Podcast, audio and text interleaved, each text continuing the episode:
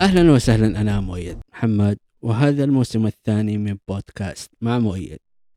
الموسم الثاني راح يكون مختلف تماما عن الموسم الأول.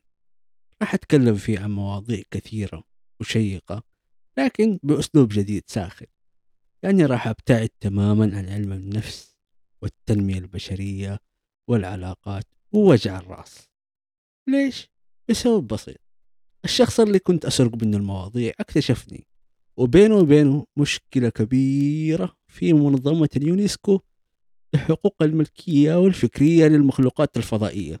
إلى ما تنحل المشكلة وتقضي القاضية كاليسي أم التنانين ملكة المجرة سيدة الأكوان الخيالية ووليدة العاصفة. بيننا راح نرجع لهذه المواضيع.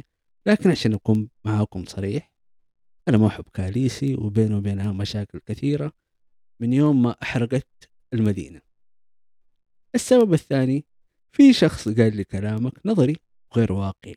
يعني كلامك كلام كتب صعب على الناس العادية تفهمه. ببساطة يعني هو مو من الفئة المستهدفة وجالس يتفلسف علي وأنا حبيت يعني أمشي له على جوه وأغير محتوى البودكاست. ببساطة السبب الثالث والأهم إني طفشت من الحياة.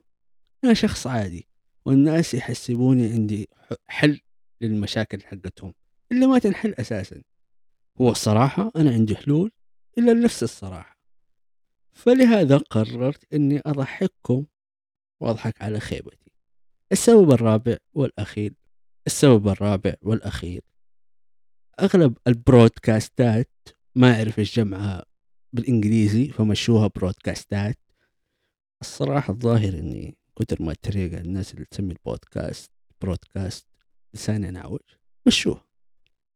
كلها تهتم بتعديل السلوكيات أو نصائح أو لها هدف معين. وأنا الصراحة هدفي في الحياة الحالي إني أضحك وأخرج من أي مود سلبي أنا فيه. وبكذا انتهت السالفة الطويلة المؤجلة من فترة وتأجلت مرة واثنين وثلاثة وعشرة. ببساطة عشان كسلان أسجل.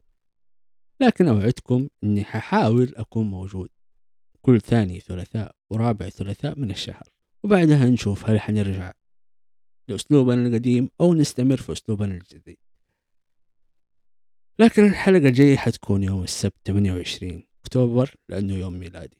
فانتظروني أنا مش جاي الصراحة يعني. ممكن أسجلها وممكن ما أسجلها الله العالم. وافتكروا إننا نتكلم عن كل شيء ولا شيء.